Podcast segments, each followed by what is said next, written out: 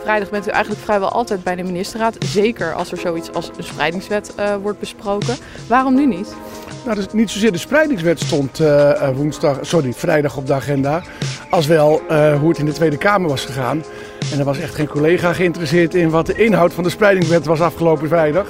Dus vandaar dat ik ervoor koos, omdat ik ook een achterstand had qua belletjes, appjes en sms'jes om uh, thuis te werken. Dit is Politiek Vandaag met Sam Hagens. Fijn dat je luistert. De PVV heeft nu meer zetels in de peilingen dan kandidaat Kamerleden. Ze staan op 47 zetels.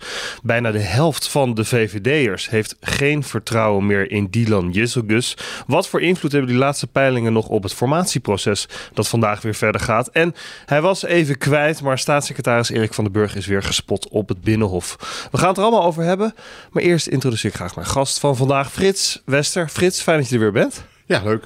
Um, donderdag, nog eventjes op terugblikken. Je zat bij Renze aan tafel. Ja. Je, weet je wat ik al, waar ik naartoe ga?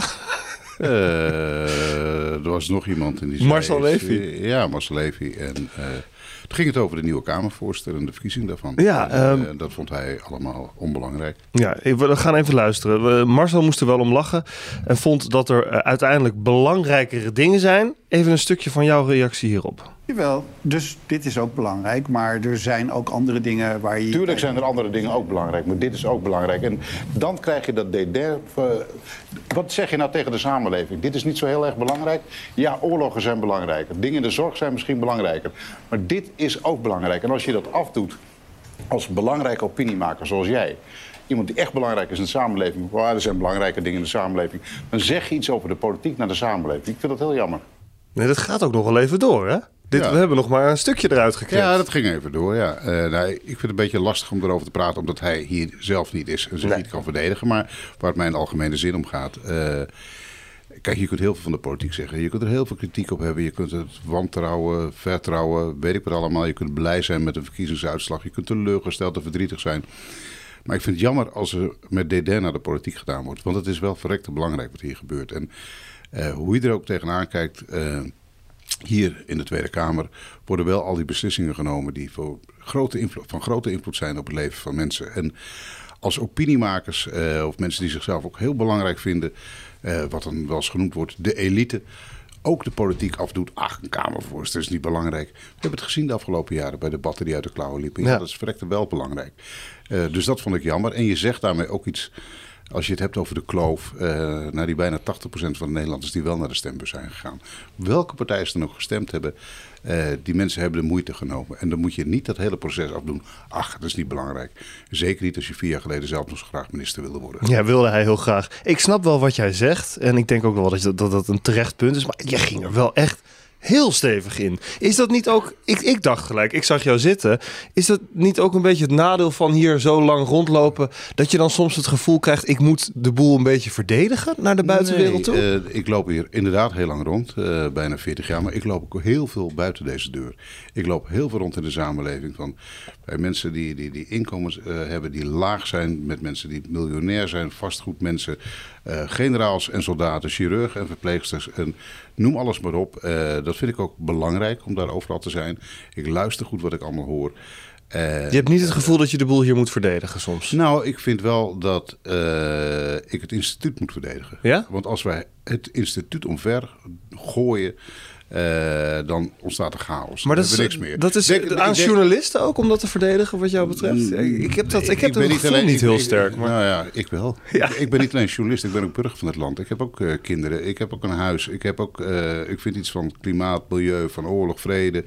Van heel veel dingen. Ik heb ook ouders gehad, die, eh, die zijn inmiddels helaas overleden in een verzorgingstehuis. Ik vind iets van de samenleving. Ik ben niet een gespleten persoonlijkheid. Ja, en ik ben ook journalist. En eh, ik vind dat je ook best voor instituties mag opkomen, zolang we daar geen betere voor hebben. Duidelijk. We gaan het heel eventjes hebben over die peiling ook van eh, zojuist. 47 zetels voor de PVV, 47. Het is wel een peiling. Ze hebben er nu 37 natuurlijk in de Kamer. Eh, maar uiteindelijk ook nog eh, het vertrouwen in Jisselgus, wat ook wel, wel interessant is, is gezakt van 64% onder de VVD'ers naar 53%. Ik kan me zo voorstellen, als we zo meteen bij die formatie zitten, dat zo'n peiling uh, Geert Wilders wel wat vertrouwen kan geven in dat hele proces. Nou, het legt wel meer uh, druk op het uh, proces op andere partijen. Nee, je, je weet hoe dit heet, hè? Na verkiezingen. Pijlen? Nee, ja, pijlen. Nee, dat, palingen, nee, peilingen zijn pij, ja, pa, palingen? Wat bedoel nee, je? Nee, nee, Amerikanen noemen dat het bandwagon effect. Ja, ja, ja oké. Als je een peiling doet dag na verkiezingen, dan is de winnaar nog groter dan op de dag van de verkiezingen. Want niemand wil bij de loser horen. Ja. Je wil bij die winnaar horen. Uh, en als jouw partij die toch verloren heeft het niet zo goed doen, ja, dat, doet, dan ga je niet zeggen, nou, daar heb ik op gestemd. Nee, dan zeg je op die andere. Maar het zegt natuurlijk wel iets. En uh, ook de manier waarop de VVD nu opereert. Ik vind het zelf een beetje, uh, ik vergelijk het een beetje met een auto die in de slip geraakt is. Ze zijn even stuurloos. En vlak na de verkiezingen, paniek, uh, volop op de rem. Nee, we gaan niet echt in het kabinet. Hup, in de slip, links, rechts, alle kanten opvliegen. Vervolgens op het totaal verkeerde moment weer gas geven met die motie. Bob, weer in de slip. Alsof niemand meer door heeft hoe je uit die slip kunt komen. Maar wat gaat daar mis? Alles. Alles gaat mis. Ja, dat bijna, is wel heel dramatisch. alles gaat mis. Ja, nee. Maar uh, de ene keuze naar de andere die onuitlegbaar is. Kijk nou even naar vorige week. Wie uh, maakt die fouten dan? Uh, nou ja, verantwoordelijk voor die fout is uiteindelijk Jesselgus. Uh, mm -hmm. Die zal, zal geadviseerd worden door mensen, neem ik aan, mag ik hopen. Uh, of misschien op dit moment even niet, maar, want dan deugen de adviezen niet. Maar uh, wat je vorige week zag, de fractie. Jesselgus was er niet, die was ziek. vorige week dinsdag. Sophie Hermans zat die fractie voor. Het debat zou gaan dus over de uitslag van de verkiezingen en hoe nu verder met de formatie. En toen zei Sophie Hermans, ja, de ja 21 komt waarschijnlijk met een motie dat het kabinet, om te vragen of het kabinet dat wetsvoorstel uh, over de spreidingswet uh, wil intrekken. Nou, die gaat dus wat te ver, dus wij zijn het onderhandelen, zo heb ik het allemaal begrepen, over een mildere motie. Nou, Erik van den Burg was ook bij die fractievergadering onderhandelen, we zien dat allemaal wel. En toen op de avond van het debat, vlak voor die motie werd ingediend, werd de tekst rondgemaild naar de VVD-Kamerleden. En dat was die mildere motie om uh, het wetsvoorstel in de Eerste Kamer zeg maar, aan te houden. -hmm. Ja, staatsrechtelijk flauwekul. Want een kabinet kan niks aanhouden. Het verzoek richtte zich ook naar het kabinet. Het kabinet kan een wetsvoorstel intrekken, maar aanhouden niet. Dat is aan de Tweede Kamer, die kan het doen, of aan de Eerste Kamer. Dus toen kwam er ook meteen die reactie van Mark Rutte: van ja, dat gaan we dus niet doen. En we staan als kabinet nog steeds achter het wetsvoorstel. En natuurlijk, zo'n demissionaire periode, je hebt twee pet op, is lastig. Maar hoe schizofreen als politicus kun je zijn? Mm -hmm. Dit ging wel heel ver, dus enige terughoudendheid was wel handiger, beter en verstandiger geweest. Nou, toen kwam de dag daarna die wat verder uitgeklede motie. Ja, dat was ja. een soort mooie weermotie van de Tweede Kamer spreekt uit dat het morgen ook zondag is en, uh, en lekker warm. Dat ging allemaal nergens meer ja. over. Ik heb en die dag wel... Mensen binnen de VVD-fractie Ja. waren daar niet blij mee. Nee, nee. En mensen, zeker VVD-leden die ik spreek... en mensen in de top van de VVD... En ik heb ook begrepen dat Erik van den Burg er absoluut niet blij mee Nee. was. Dit ging weer zo onhandig. Ik begreep inderdaad ook dat, eh, dat, wel, dat er een best wel aanzienlijke groep in die fractie nu is. Misschien wel meer dan de helft. Eh, ik heb het niet exact kunnen turven, maar er wordt binnen die fractie gesproken over misschien wel 14, 15 mensen. Die zeggen ja, het is wel heel erg die drie die eh, de dienst uitmaken. De eerste drie op de lijst. Dus Jilse Gus, Hermans en Bente Becker. Uh, en uh, gisteren was er dus weer een uh, fractieoverleg ook. Um, heb, heb jij daar nog dingen uit gehoord? Over? Nee, ze hadden het gisteren ongeveer gecombineerd met hun eigen kerstdiner, geloof ik. Ja. En uh, ik heb vanmorgen nog, vanmiddag nog niemand gesproken. Ja. maar ik begreep wel in de aanloop daar naartoe dat het ongemak ongelooflijk groot is. Want ze zien natuurlijk ook die peilingen en ja, die schieten door. En dat is, dat is wel gebruikelijk na verkiezingen. Dan moet je niet al te nerveus worden. Maar het schiet nu wel heel hard door. Ja. En er zijn echt mensen, niet tenminste leden ook van de VVD, die met argusogen kijken. Wat zijn ze nu aan het doen? Merel Eck vroeg uh, Erik van den Burg vanochtend nog even of het uh, niet een goed idee was om die spreidingswet bij de ministerraad toe te lichten. Want hij was er die dag niet op vrijdag. Nee, want daar had de minister-president al namens het hele kabinet op woensdag van gezegd... wij vinden de spreidingswet nodig, dus dat hoefde ik niet meer uit te leggen in de ministerraad. Dus het had helemaal niks te maken met wat er woensdag in de Kamer gebeurde... dat u de twee dagen daarna onvindbaar bent voor in ieder geval de pers? Nee, ik was donderdag gewoon op het ministerie en ik heb gewoon uh, gewerkt, uh, uh, gebeld, ge-sms'd, gemaild, vergaderd. Ja. Dus er is ook niks aan de hand. U heeft verder alles gewoon. U gaat verder met waar u mee bezig was. En wat er in de Kamer gebeurt, dat parkeert u dan even. Nee, kijk, natuurlijk is het ook in mijn hoofd. Dus ik snap uw vragen namelijk helemaal. Best ingewikkeld. Staatssecretaris, Kamerlid. Dus het is ook ingewikkeld. Maar ja, dat wist ik toen ik mijn kandidaat stelde voor de Tweede Kamer. Terwijl ik tegelijkertijd ook nog staatssecretaris ben. Maar dat parkeer ik in zoverre dat gewoon mijn belangrijkste taak is... zorgen voor voldoende opvangplekken in Nederland. Ja. Ik denk dat het voor mensen best wel moeilijk te volgen is dat je die verschillende petten dan hebt. En hij zegt het zelf ook, dat is ingewikkeld. Is het ook. Eh, de, Zo'n demissionaire periode. eh nou, Mark Rutte is nu geen Kamerlid, want die doet niet meer mee. Maar eh, andere, Rob Jetten is ook minister en Kamerlid. Nou, die eh, houdt zich redelijk op de vlakte, maar die kan ook in de problemen komen natuurlijk. Eh, Het is even een schizofrene periode waar, waar je doorheen moet. De maar ja, zo werkt het nu even. En dat duurt, is zo lang de formatie. Kijk, Erik van den Burg, hij was die, die woensdag van het debat, zeg het goed, die woensdag ja, was hij op werkbezoek in Groningen, onder andere bij Ter Apel. Ja, en hij was vrijdag niet bij de ministerraad. Maar als, als staatssecretaris ben je normaal ook niet bij de ministerraad, tenzij jouw wetsvoorstel of iets belangrijks voor jou echt op de agenda staat. Dus ja, ik denk dat hij daarvoor wel een redelijk excuus heeft. Ja, nou, hij is er nu in ieder geval weer. Eh, het rommelt nog eventjes door binnen, binnen de VVD. Die formatie gaat ook verder met secondanten ehm, eh, vandaag. Mona Keizer eh, en eh, Henk Vermeer doen mee met Caroline van der Plas. Die wisselen zo nu en dan Ja, om. Afhankelijk van het onderwerp. Ja. Precies, hetzelfde geldt gebeurt eigenlijk ook bij de VVD. Want Jesselgus heeft ofwel Sophie Hermans ofwel Eko, eh, Elko Heijnen. Heijnen die is natuurlijk financieel Ja. expert, dus die kan er zo nu en dan bij zitten. Omtzigt kiest, er- kiest ervoor om Eddy van Heijem erbij te plaatsen. En in deze eerste week gaat Fleur Agema naast Geert Wilders zitten. Op welk punt staan we nu binnen deze formatie?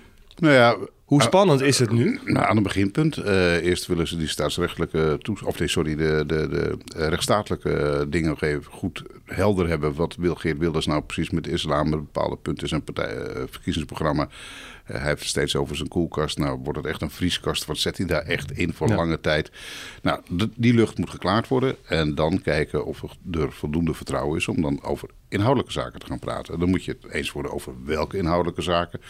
Je wilt het, wil je het hebben? Wat wil je oplossen? Nou, natuurlijk asiel, migratie, natuurlijk stikstof, eh, bestaanszekerheid, inkomens van mensen, de zorg. Wil je wel of niet het eigen risico afschaffen? Maar ja, het grote probleem is natuurlijk wel, eh, het kost allemaal ongelooflijk veel geld. En dat is er eigenlijk niet. Eh, er moet eigenlijk bezuinigd worden, dat zegt eh, de, Dat is misschien wel het moeilijkste punt om, Ja. om, het, om met elkaar eens te worden als ze die rechtsstatelijkheid helemaal achter zich hebben ja, gelaten. Nou ja, en van hoe ga je al die, hè, die verkiezingsprogramma's stonden allemaal mooie plannen en ideeën. En, maar ja, er zitten drie partijen aan tafel die het programma niet hebben laten doorrekenen. Die hebben geen idee wat hun wensenlijstje allemaal kost.